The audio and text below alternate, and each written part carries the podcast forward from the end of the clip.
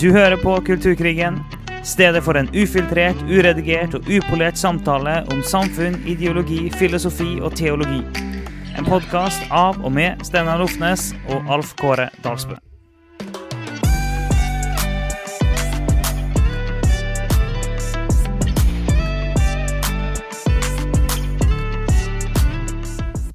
Det er jo en samtale.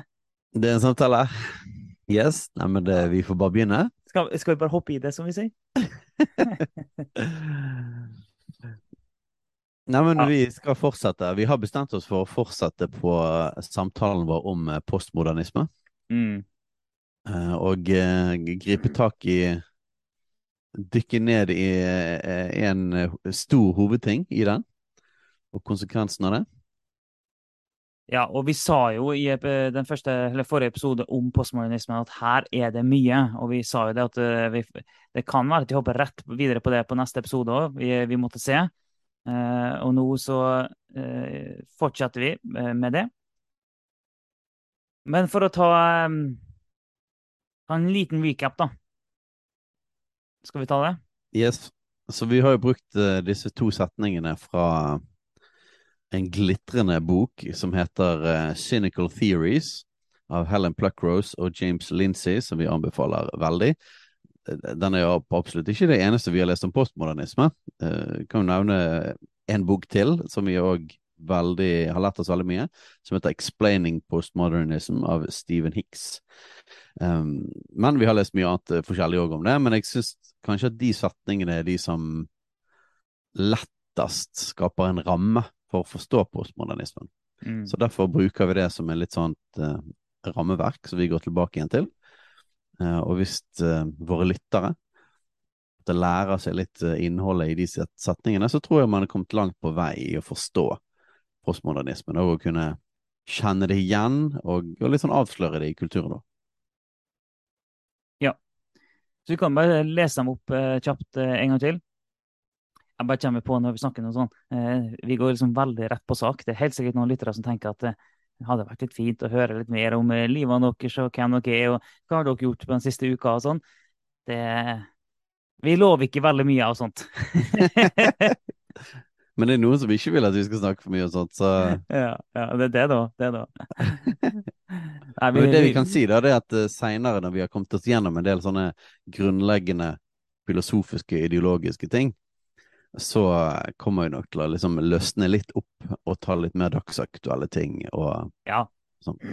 det, det skal vi. Vi skal eh, ta litt mer aktuelle saker og gå inn i det eh, etter hvert. Men da, for å ta de to setningene som var navet i forrige episode, som vi også skal bare bruke til, som et springbrett eh, i denne episoden her, så var det eh, først det postmoderne kunnskapsprinsippet, som kan oppsummeres i en radikal skeptisisme om eh, eh, objektiv kunnskap eller sannhet er oppnåelig, og en eh, commitment til eh, kulturell konstruktivisme. Det er jo et voldsomt ord. Vi kan jo kalle det eh, sosial konstruksjon. Og så har vi det postmoderne politiske prinsippet. Og det er en tro på at samfunnet er forma av maktsystemer og hierarkier som bestemmer hva som er kunnskap, og hvordan vi finner den kunnskapen. Yes. Og i dag skal vi gå inn i den uh, første av disse her. Hvorvidt objektiv kunnskap eller sannhet er, uoppnå er oppnåelig. Og for så vidt det berører òg dette her med sosial konstruksjon, selv om vi var inne i det sist gang. Men dette med objektiv sannhet uh, og relativisme, det skal vi gå dypere inn i dag. For det er kanskje det som mer enn noe annet preger kulturen fra, fra postmodernismen. Ja, og det er en voldsom kontrast til hvordan en kristen tenker. For det, det, går, det er klin umulig å være en kristen uten å tro på objektiv sannhet. Yes, så objektiv sannhet, da. Eh, troen på at det finnes noe som er sant. At det er òg mulig for mennesker å finne ut av det. Eh, det er ikke på en måte totalt fjernt for oss. Eh, Forenklet så sier man ofte at postmodernismen tror ikke at det finnes en objektiv sannhet. Teknisk sett så står de for at det ikke er mulig for mennesker å finne ut av den. De benekter ikke at det ikke finnes en sannhet, men de benekter menneskets mulighet til å finne ut av sannheten. Um, Ja, og så til, og med, ja, til og med gjennom vitenskapen og sånne ting som det. Ja, og som vi toucha litt inn på forrige episode, at uh, sannheten kan egentlig bare uh, forstås i gruppa. Eh, og gjennom eh, erfaring, og gjennom erfaringen til gruppene. Derfor blir, derfor blir eh, sannheten da, med hermetegn den blir mer lokal og mer eh, Ja, den blir delt opp i grupper, da, på, egentlig, i praksis. Yes. Så vi kaller jo dette her eh, troen på at objektiv sannhet ikke kan eh, finnes ut av. Det kaller vi jo relativisme. Eh, og gjerne når vi snakker om på en måte moral og rett og galt, så kaller man det for moralsk relativisme. Og eh, da er jo spørsmålet, hvis man ikke tror at vi kan finne ut av hva som er sant, hva som er rett og galt, hvordan skal da mennesker klare å ta valg her i livet, da? For vi er jo, vi er jo moralske vesener. ehm, og vi handler basert på hva vi mener er rett og galt, og vi handler basert på hva vi mener er sant og ikke sant. Så, så hva tenker postmodernismen om hvordan vi skal ta valg, da? Um, hvis vi ikke kan finne ut av sannheten. Mm. Og, og vi, vi vil jo si at eh, postmodernismen, som er kanskje den mest utbredte strømningen i dag, og kan oppsummeres i en eh, ekstrem subjektivisme og kollektivisme. Og så skal vi si litt mer hva, hva det er vi mener med de ordene, men det er jo subjektivismen som er hovedpoenget akkurat nå. Ja, og dette er en litt sånn, eh, litt sånn utfordrende intellektuell øvelse. Og i, når vi snakket om dette i første episoden om postmodernisme, så jeg har å, jeg har pleid å si at de har en sånn ekstrem individualisme. Og samtidig som de liksom tenker kollektivt. Og, og det der er litt for forvirrende. Eh, og i løpet av eh, de siste dagene så har jeg funnet ordene som er mer presise. De er ikke altså individualistiske, de er subjektivistiske. Så hva i all verden er det for noe, og hva er forskjellen på det? Um, nei, det handler først og fremst om subjektivisme og objektivisme. Det handler om hvordan vi finner ut av sannhet. Altså det er koblet på dette her om vi tror at det finnes objektiv sannhet, eller om det går an å finne ut av objektiv sannhet.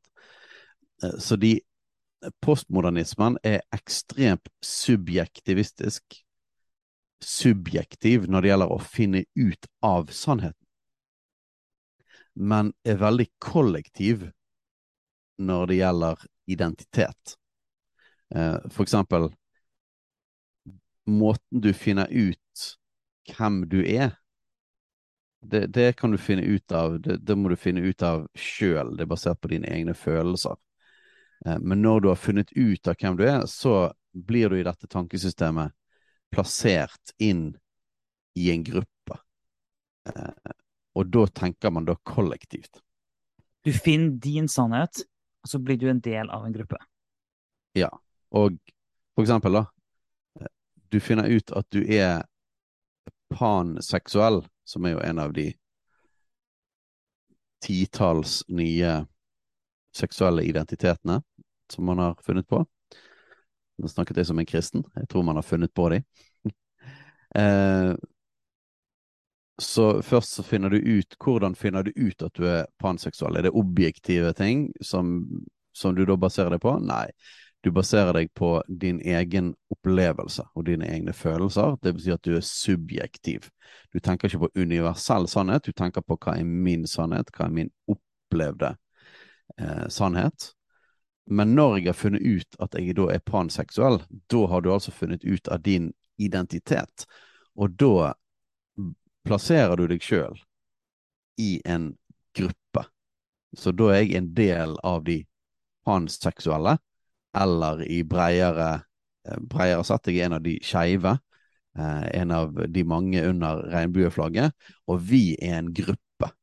Da tenker vi kollektivt om at vi er en undertrykt gruppe. Så jeg er både eh, i miniatyr jeg er undertrykt panseksuell, men jeg er òg en del av den litt den større undertrykte gruppen skeiv.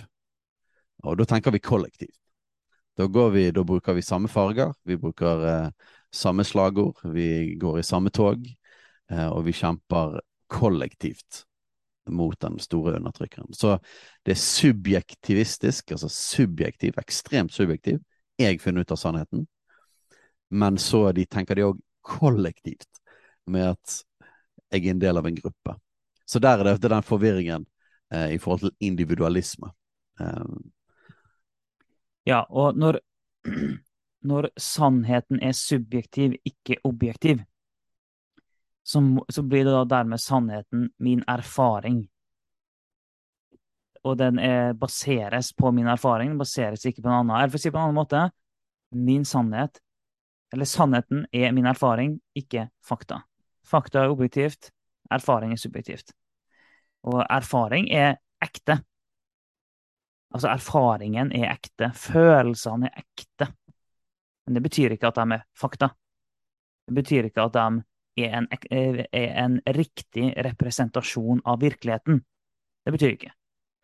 Og, så, der, så, subjektivisme er at det finner sannheten gjennom seg sjøl, gjennom sin egen erfaring, mens objektivisme vil være at en finner eh, sannheten gjennom en størrelse utafor seg sjøl. Ja, og eh, hvis man tror på en objektiv sannhet, så mener man at den står over min subjektive opplevelse. Ja. ja. Som betyr at sannheten eller fakta ligger der ute. Så det som er inni, må egentlig tilpasses mm. det som er det objektive mm. sannheten. Ja. Som kristne så tror vi på objektiv sannhet. Vi tror at uh, Gud har skapt, han har satt rammer. Han har sagt hva som er både sant, men òg hva som er rett og galt. Vi går tilbake til Bibelen for å finne ut av objektiv sannhet. Um, objektiv sannhet betyr at det òg er universelt. Altså, dette gjelder for alle mennesker i alle tider. I alle, alle kulturer. Ja. Mm. Så, så, sant er sant. På en måte, verden har ikke forandret seg på den måten. Um, Og da med en gang ble jeg fristet til å gå inn i en av de vanligste og dårligste argumentene i kulturkrigen. Og det er dette med at uh, vi lever jo i 2022. Mm. Jeg så dette senest for et par dager siden igjen. Uh, akkurat som at hva tidspunkt vi lever på, har noe å gjøre med om noe er sant eller ikke. Akkurat som mm. at sannheten forandrer seg uh, gjennom tiden. Og det er klart at Hvis en driver på med, med, en eh, voldsom sosial konstruksjon, eh, og at en skaper sin egen sannhet, ja, da eh, har årstallet mye å si. For da, vil, da, er sannheten flytende. Men hvis sannheten ikke er flytende, så har årstallet ingenting å si. Nei. Så subjektivistisk eh, Vi må forholde oss til at eh, nå er det såpass mange som har følt at dette er riktig at vi må tilpasse oss. Vi, nå sier mm. vi at dette er rett og galt. Mm. Um, men fordi at folk mente det annerledes for 10 år siden, 20 år siden, 30 år siden, noen hundre år siden, så er du dumt til gammeldags. Du kan ikke mene lenger det man mente før. Um, så bare det at det er et argument, bare det at liksom Hallo, vi lever ikke på 50-tallet, vi lever ikke i middelalderen. Hallo, vi er, vi, er, vi er i 2022. Bare det i seg sjøl er et postmoderne argument. Mm. Eh, fordi at det betyr at du mener at sannheten er flytende, eh, og ikke objektiv og universell. Mm. Og for en kristen, og hvis vi skal dra helt tilbake, hvordan skal en kristen tenke? For en kristen så er det umulig å tenke at det ikke finnes noe objektivt og universelt og evig. Det er jo definisjonen på Gud. At han er objektiv, universell og evig. Så eh, hvis en aksepterer at eh, det ikke finnes noe objektivt, ikke finnes noe universelt, ikke finnes noe evig, ja, da må en akseptere at Gud ikke finnes, da. Så det, det er bare en total eh, konflikt med en kristen måte å tenke på. Og dette er jo da det krasjer med en kristen måte å tenke på, og det krasjer jo òg mot en vitenskapelig måte å tenke på. Mm. Um, der vil man òg mene at uh, følelsene står ikke over de fysiske fakta, de vitenskapelige fakta. Så det hjelper ikke om jeg føler noe At faktaene er vanskelig, eller Mm. utfordrende, eller følelsesmessig eh, at, man, at det føles undertrykkende. At, at vir, virkeligheten føles undertrykkende. Eh, fra et vitenskapelig standpunkt, så må jo da følelsene òg bare bøye seg under virkeligheten. Mm. Eh, Så det er en objektivistisk tankegang is- istedenfor en subjektivistisk tankegang, og i vitenskapen. Det er sant å få ta litt sånne eh, rare eksempler på det, da.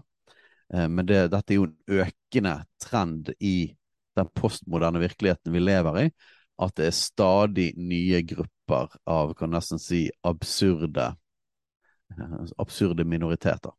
Mm. Eh, som det kommer fra dette her, fordi at vi skal subjektivt finne ut av sannheten.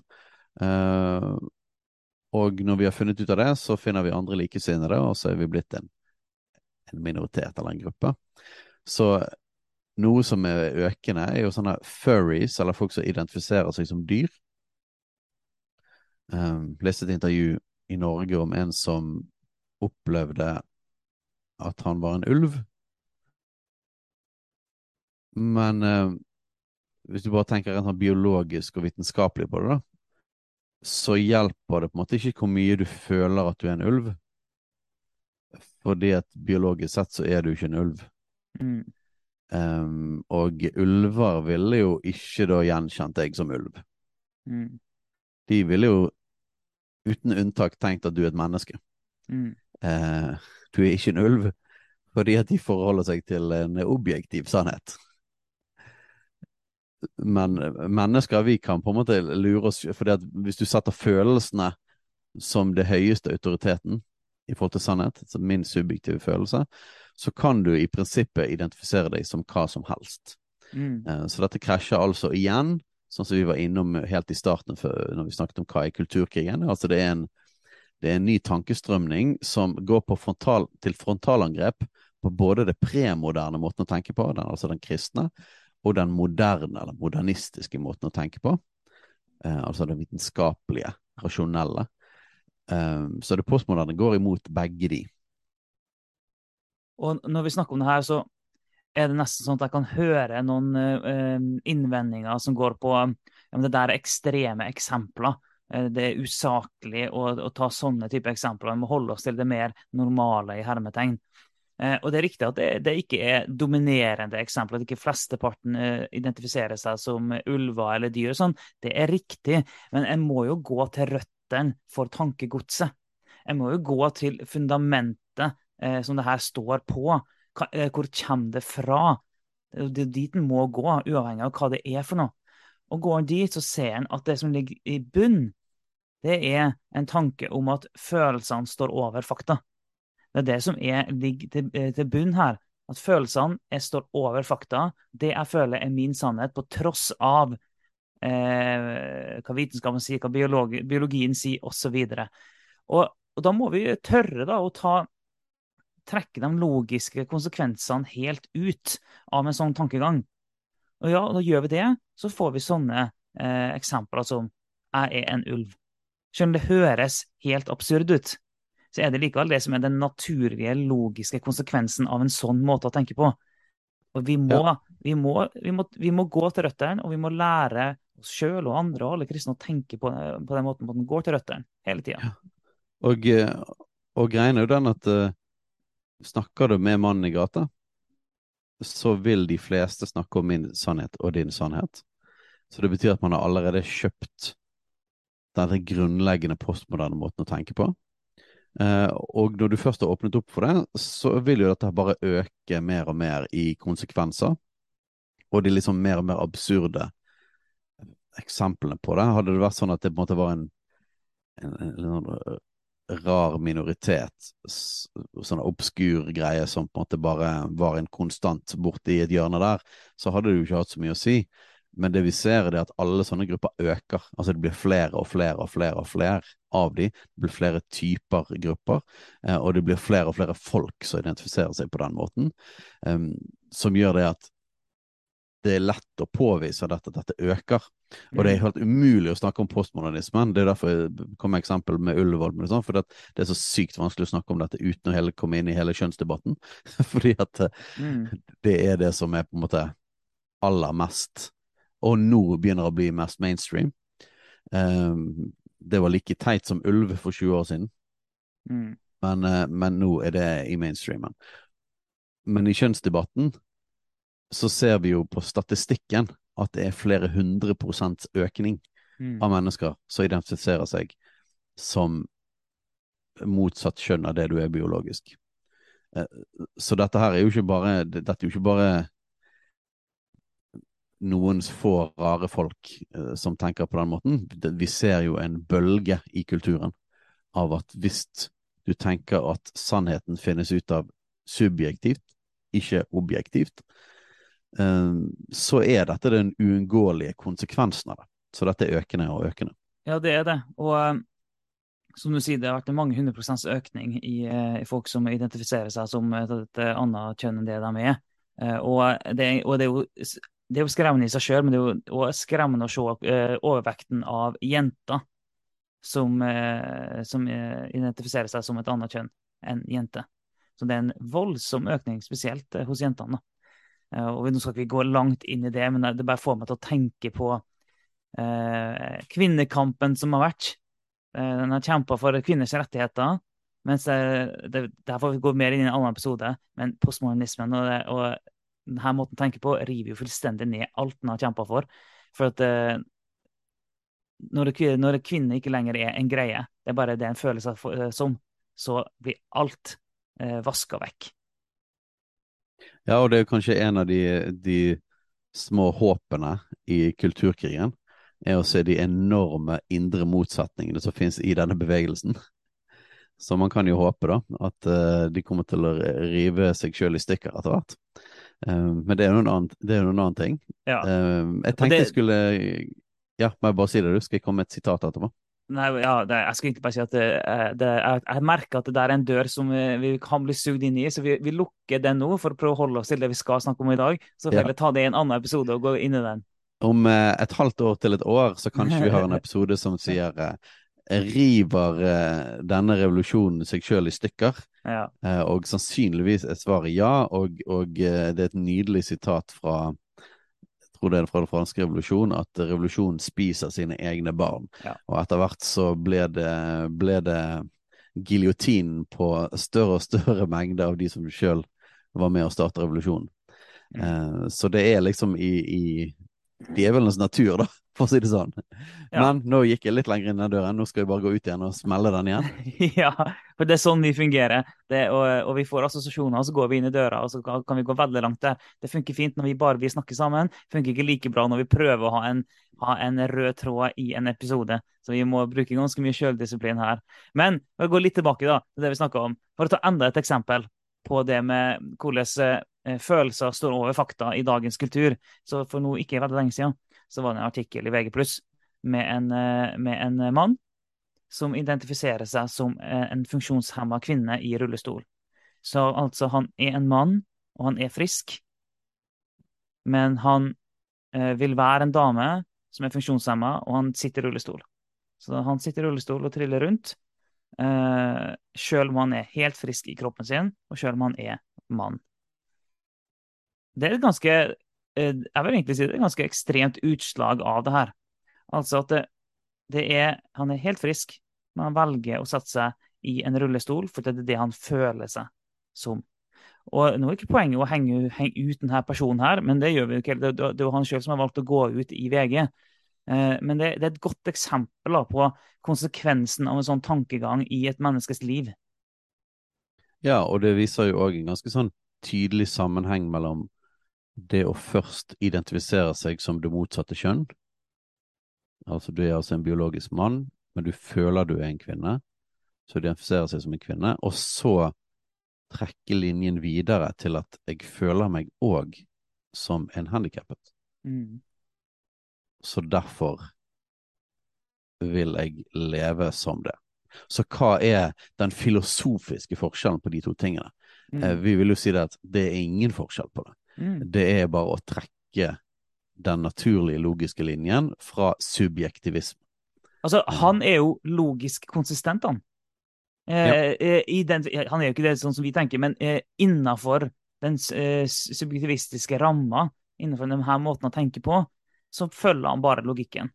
Han er det han føler seg som. Eh, og det og hvis en først aksepterer det premisset, og en aksepterer at fakta er ikke over følelser, og en aksepterer at biologien kan settes til side, ja, da kan du fortsette, da.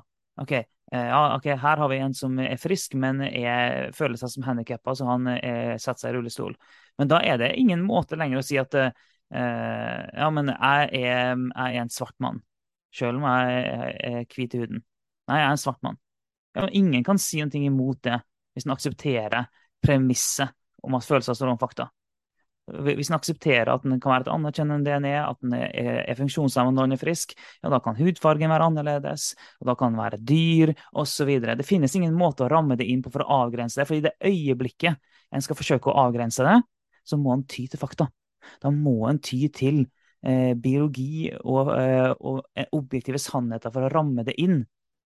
Det finnes ikke noen annen måte å ramme det her inn på. Skal man begynne å ramme det inn på subjektive måter, så, så bare kollapser det av seg sjøl igjen. Og da fikk jeg lyst til å sitere den kanskje fremste postmoderne filosofen. Um, en av disse her uh, første generasjons postmoderne filosofene fra Frankrike, som heter Michel Foucault. Og han sier sånn at uh, It's meaningless to speak in the name of or against reason, truth or knowledge. Mm. Så det er meningsløst å snakke både for eller imot eh, fornuft, sannhet eller kunnskap. Eh, så dette er en av de grunnleggende premissene for postmodernismen. Så det betyr at hvis, du, hvis, hvis, det er meningsløst å snakke om de tingene der, så må du altså finne ut av ting på egen hånd. Subjektivt. Det må du. Og vi kristne vi tror jo det at Gud har skapt verden. Han har skapt noen rammer som er innafor, som vi må forholde oss til. Det er det klassisk kristen tenkning er. Gud har skapt noen rammer. Det finnes noen ting som er fakta, som vi må forholde oss til, som vi ikke kan forandre. Det er Sånn tenker en kristen. Eh, likevel, da, hvis vi ser over dammen til USA, så kom det jo nå nettopp en undersøkelse der borte kan alltid selvfølgelig ta tallene med en klype salt, men de viser en tendens uansett. Der har barna en sånn kristen eh, hva skal jeg kalle det, ikke tenketank, men en kristen sånn spørreundersøkelsesorganisasjon. Eh, de har en undersøkelse som viste det at 39% av amerikanske evangelikale pastorer mener at det ikke finnes absolutte moralske sannheter, og at hvert enkelt menneske må finne sin egen sannhet. Og Hvis du har hørt på forrige episode og hørt på denne episoden her, så vil du høre med en gang at det her er jo bare et ekko av postmodernistisk tankegang. Og det viser at det har kommet langt inn i kristenheten. Yes. Og utfordringen er altså så Det er en, en av våre sånne her eh, grunnleggende bekymringer som er grunnen til at vi, vi faktisk startet denne podkasten, er det at, eh, at vi ser det at hvis du kjøper disse filosofiske eh, tankegangene, hvis du, hvis du liksom kjøper hele rammeverket, så vil det føre til en utglidning på enkeltspørsmål. Ja. Eh, og vi kristne har vært, vært på defensiven så lenge, og vi går liksom og diskuterer sak for sak for sak for sak. Eh, men det er veldig vanskelig å diskutere imot en ny enkeltsak hvis du allerede har kjøpt at du finner ut av sannheten subjektivt. Eh, og, og, hvis du ikke på en måte kan omfavne da, at hvis min opplevelse, min, min følelse, krasjer med sannheten, så er det på en måte sannheten, den objektive sannheten, som vi skal følge. Uh, hvorfor er det vanskelig? Hvorfor er det vanskelig i kulturen? Jeg tenkte vi kunne snakke litt om det. Uh, og hvorfor er vi kristne så hvorfor, tar, hvorfor lar vi oss fange så lett av hele den greien? Jeg tror det handler om at uh, det handler ikke først og fremst egentlig om hva vi mener er sant. Jeg tror det har først og fremst å gjøre med at vi er redd for at folks følelser skal bli såret. Sånn at hvis du sier det at min opplevelse eller min følelse ikke er riktig, eller at du må på en måte tilpasse deg en objektiv sannhet, så kan det være at du blir lei deg. Eh, det oppleves vondt, eller det føles vondt. Og da har vi altså bestemt oss for at opplevelsen, eller følelsen, følelsen av smerte, det er på en måte så umulig, da. Eh, så å unngå den smerten, det er det aller, aller viktigste vi kan gjøre. Så om, om det betyr å bøye på sannheten, så får vi heller bøye på sannheten. Sånn at du ikke du føler noe ubehagelig. Mm. Eh, så denne her relativismen, eh, subjektivismen, den henger veldig tett sammen med måten vi forstår kjærlighet på, eller måten vi eh, opplever hva som er rett og galt. Og hvis du putter på en måte det at mine følelser alltid skal tas hensyn til øverst, så må du nesten tenke subjektivt om hva som er rett og galt. Du må det. Og um, for en kristen så For å bruke litt kristen sjargong her, da. Det er jo flest kristne som hører på det her. Så kommer det òg ned til uh, hvem er herre i livet. Er Jesus herre? Er jeg herre? Er mine følelser herre? Og så videre. Uh, en kristen er en etterfølger av Jesus. Jesus er herre i vårt liv. Det kan en kristen ikke komme unna. og Vi kan ikke være opprør mot det. Jesus er herre i livet. Det betyr per definisjon at det finnes en objektiv sannhet utafor oss, som står over oss. Det betyr per definisjon at det er noe som er over oss og rammer oss inn. Eh, så for en kristen er det helt umulig å akseptere det premisset om at en sjøl skaper rammene, forandrer rammene det går ikke å både være en etterfølger av Jesus og ha han som herre, men bestemme sjøl. Så i praksis så er det en avgudsdyrkelse av sine egne følelser han driver på med. Ja, og så går det jo ned til et spørsmål om vi tror at Gud er god. Mm. Så fins sannheten? Fins det rett og galt? Og har Gud satt rammene for hva vi skal leve innenfor?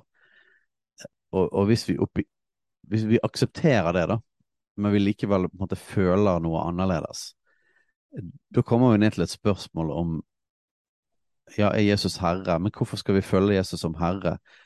Og da tror jeg at spørsmålet om er virkelig Gud god? Er Jesus god? Eh, er disse her eh, rammene faktisk gode for meg?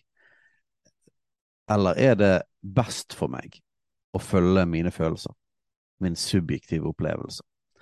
Og jeg tenker at, at det er grunnleggende for en kristen å tenke at Guds rammer er gode eh, at Gud er en god Gud. Han er en kjærlig Gud.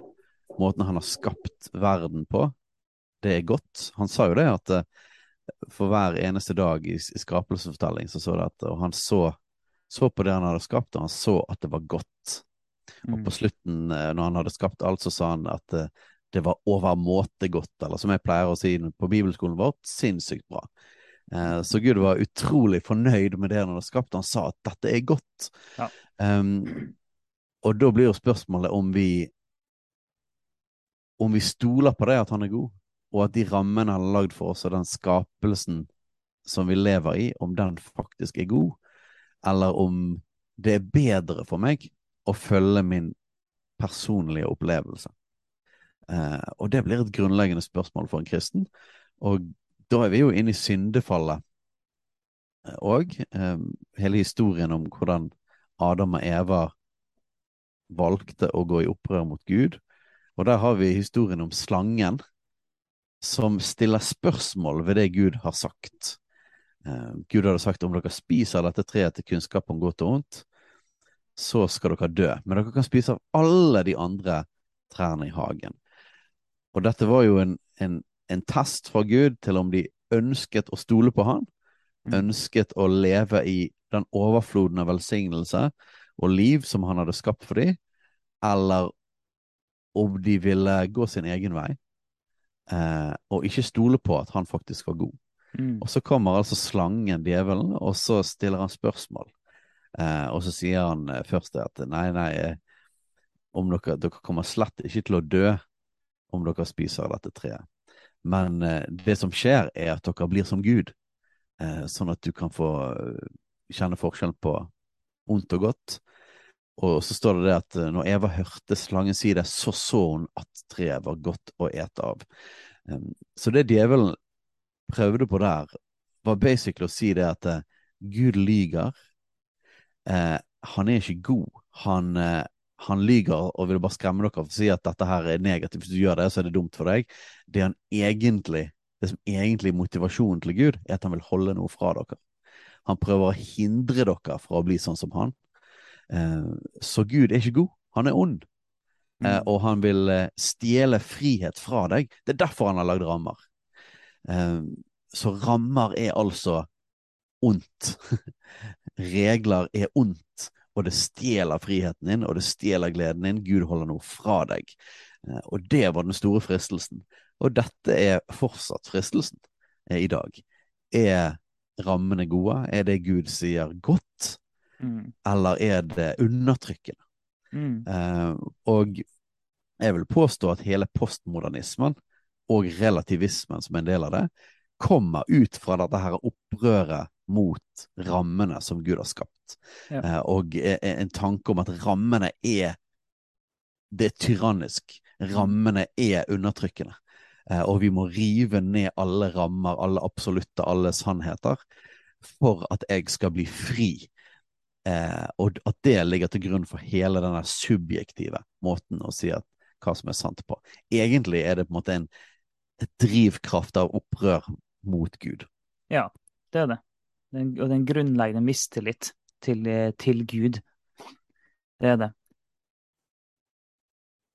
Der holdt jeg på å miste tråden min. Jeg hadde en klar tanke om hvor jeg skulle hoppe videre på det her. Det er jo alltid deilig når det skjer. Ok, la, la meg si det på denne måten her, da. Og, eh, å si at eh, det ikke finnes eh, absolutte moralske sannheter, eller ikke finnes objektiv sannhet, eh, det er det samme som å si at eh, Jesus ikke finnes. For at eh, Jesus er absolutt sannhet. Å si at hvert enkelt menneske må finne sin egen sannhet, det er en selvmotsigelse for en kristen. En kristen kan ikke finne sin egen sannhet fordi at Jesus er sannheten. Eh, og, og ramma Han er rammen. Vi snakker om det med ramma. Sant? Han er rammen. Han har funnet oss. Han er sannheten. Vi skal ikke finne vår egen sannhet. Han er sannheten. Så for en kristen er det per definisjon umulig å finne sin egen sannhet. Da må du finne noe annet enn Jesus. Så om alle har sin egen sannhet, ja, da har alle sin egen Jesus, da. Altså det, det er helt absurd for en kristen å tenke sånn. Alle har sin egen versjon av Jesus. Nei, det er helt umulig. Det finnes én Jesus. Derfor er alle én sannhet. Ja, og jeg tenker, den, den første postmodernisten, det var nok djevelen. Men en annen eh, tidlig postmodernist, eh, eller relativist, det var jo Pilatus. mm. Jeg husker han, eh, når han eh, møtte Jesus på en måte i rettssaken før Jesus ble korsfestet, så sa Pilatus, hva er sannhet? Mm. Så han stilte spørsmål til hva er faktisk sannhet og virkeligheten? Og det er jo et spørsmål som alle mennesker har dypt ned i seg, da. Hva er sant? Ja. Hva er virkelig? Hva er rett og galt? Eh, og det er noe som vi, vi har dypt behov for å finne ut av. Eh, og vi tror jo at det er mulig å finne ut av det. Vi tror at det fins en sannhet. Alt er ikke bare kaos. Eh, men Gud skapte orden, eh, og den orden er god for oss. Eh, den rammen er god for oss, og vi kan kjenne sannheten, som er Han. Og Jesus er veien, sannheten og livet. Eh, så svaret på det dype spørsmålet, det opplever vi at eh, vi har funnet gjennom Jesus.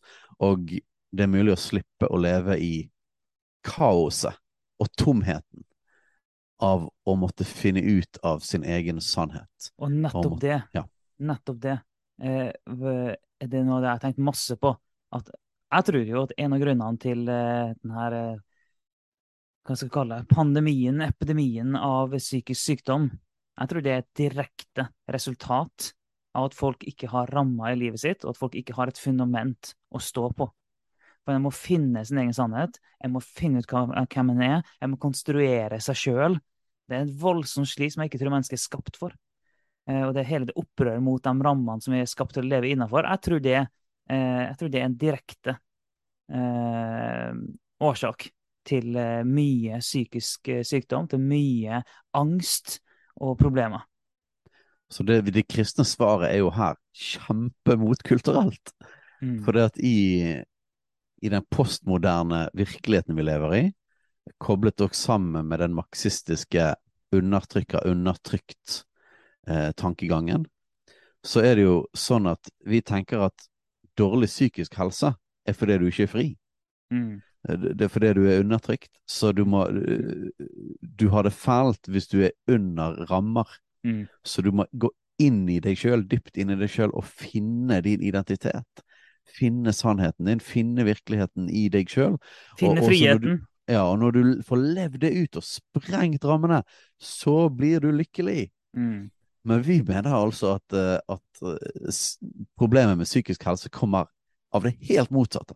Mm. Nemlig mangelen på rammer, og at friheten finnes i den tryggheten eh, av at det finnes sannhet, og at vi kan vite hvem vi er gjennom at Gud har skapt oss, og vi har en identitet gjennom det Guds ord sier. Eh, så her går vi jo helt på tvers med det vi står for i kulturen, og det er postmodernismen mener jeg på en måte veien til lykke og frihet. Mm. Og en kan gjerne mene at uh, veien til lykke og frihet er å følge sine egne følelser og, uh, og, og um, stå på fundamentet av sin egen subjektive erfaring. En kan gjerne mene det, men det er de færreste som virkelig lever det ut. Hvor mange som hører på her, er villige til å klatre opp i et høyt, høyt, høyt tårn som er bygga på et fundament av følelsene til en ingeniør?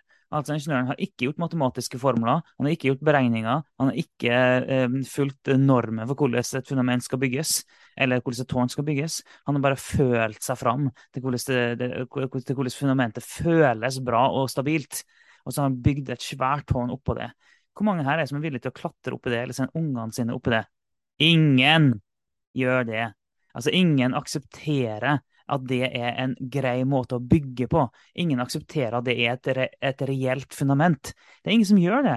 En ingeniør han holder seg innenfor naturlovene og de matematiske formene som han vet er sanne, og som han vet er ekte representasjoner av virkeligheten. Og det er fordi at våre følelser kan faktisk ikke trumfe fakta.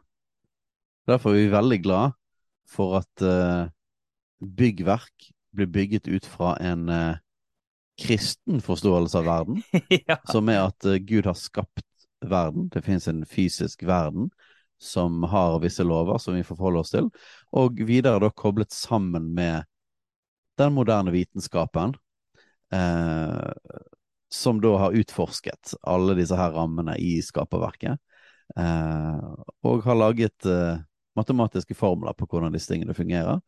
Så vi er veldig glad for at det, en, eh, det står på de to beina som sivilisasjonen vår har stått på hele tiden, eh, nemlig den kristne troen og den rasjonelle, moderne vitenskapen.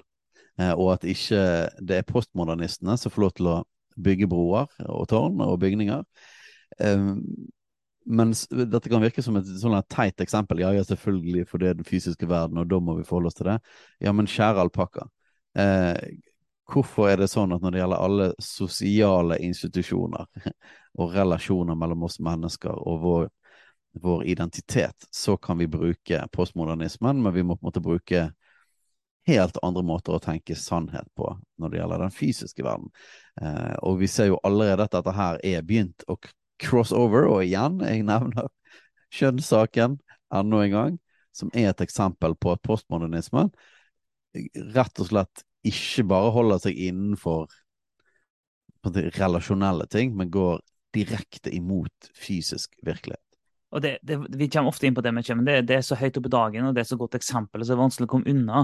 Men, eh, men det, det, er jo en helt total forkastelse av eh, fakta og biologi og virkeligheten. Og det, derfor er det ikke teit å bruke sånne rare eksempler som byggverk. Og det er, jo, eh, sant? det er jo stadig økende eksempler på absurde absurde ting som denne bevegelsen gjør. Og så kommer det litt seint til Norge, men det kommer etter hvert. Men postmoderne matematikk har allerede begynt å gjøre seg mm. gjeldende i, i USA, eh, der man ikke vil forholde seg til reglene om at tall er absolutte. At én mm. pluss én er lik to. At det nødvendigvis må være det. Mm. Eh, så dette, det kommer Det har allerede begynt å forvitre inn i andre andre områder. eh, og inn i vitenskapens domene, da. Det har det. Det har det. Så, så, dette må stoppes, basically. Hele denne greia med å ikke tro på objektiv sannhet, med at det er vi finner ut av sannhet subjektivt, eh, det er farlig. Det er farlig for enkeltmennesket, og det er farlig for samfunnet vårt. Ja. Eh, det fører forferdelig galt av sted. Ja, og vi trenger å snakke opp imot det. Og denne undersøkelsen som var altså om eh, evangelikale pastorer i USA, viser det som vi har erfart sjøl, at dette preger kristne. Dette preger eh, kristne i Norge i dag. Eh, og vi trenger å lære å tenke bibelsk om ting, og stole på at Gud er god at rammene som Gud har skapt, er gode. At det å bryte alle rammer ikke fører til frihet, men det fører til kaos.